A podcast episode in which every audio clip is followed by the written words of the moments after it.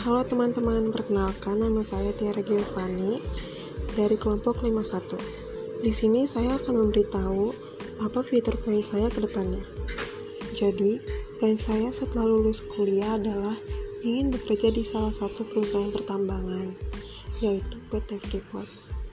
Alasan saya memilih Freeport adalah karena saya berminat di bidang tersebut.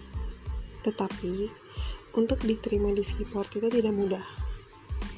Maka dari itu, selama kuliah saya akan memperbanyak pengalaman saya dan saya juga akan melatih soft skill saya sebanyak-banyaknya. Dan saya juga akan mengikuti beberapa kepanitiaan untuk menambah pengalaman. Tetapi, jika saya tidak diterima di Freeport, maka saya akan mencoba untuk mendaftar di BUMN. Setelah saya diterima kerja, dan saya sudah cukup mempunyai tabungan, saya juga mempunyai plan untuk melanjutkan S2. Itu saja yang ingin saya jelaskan. Terima kasih yang sudah mendengarkan.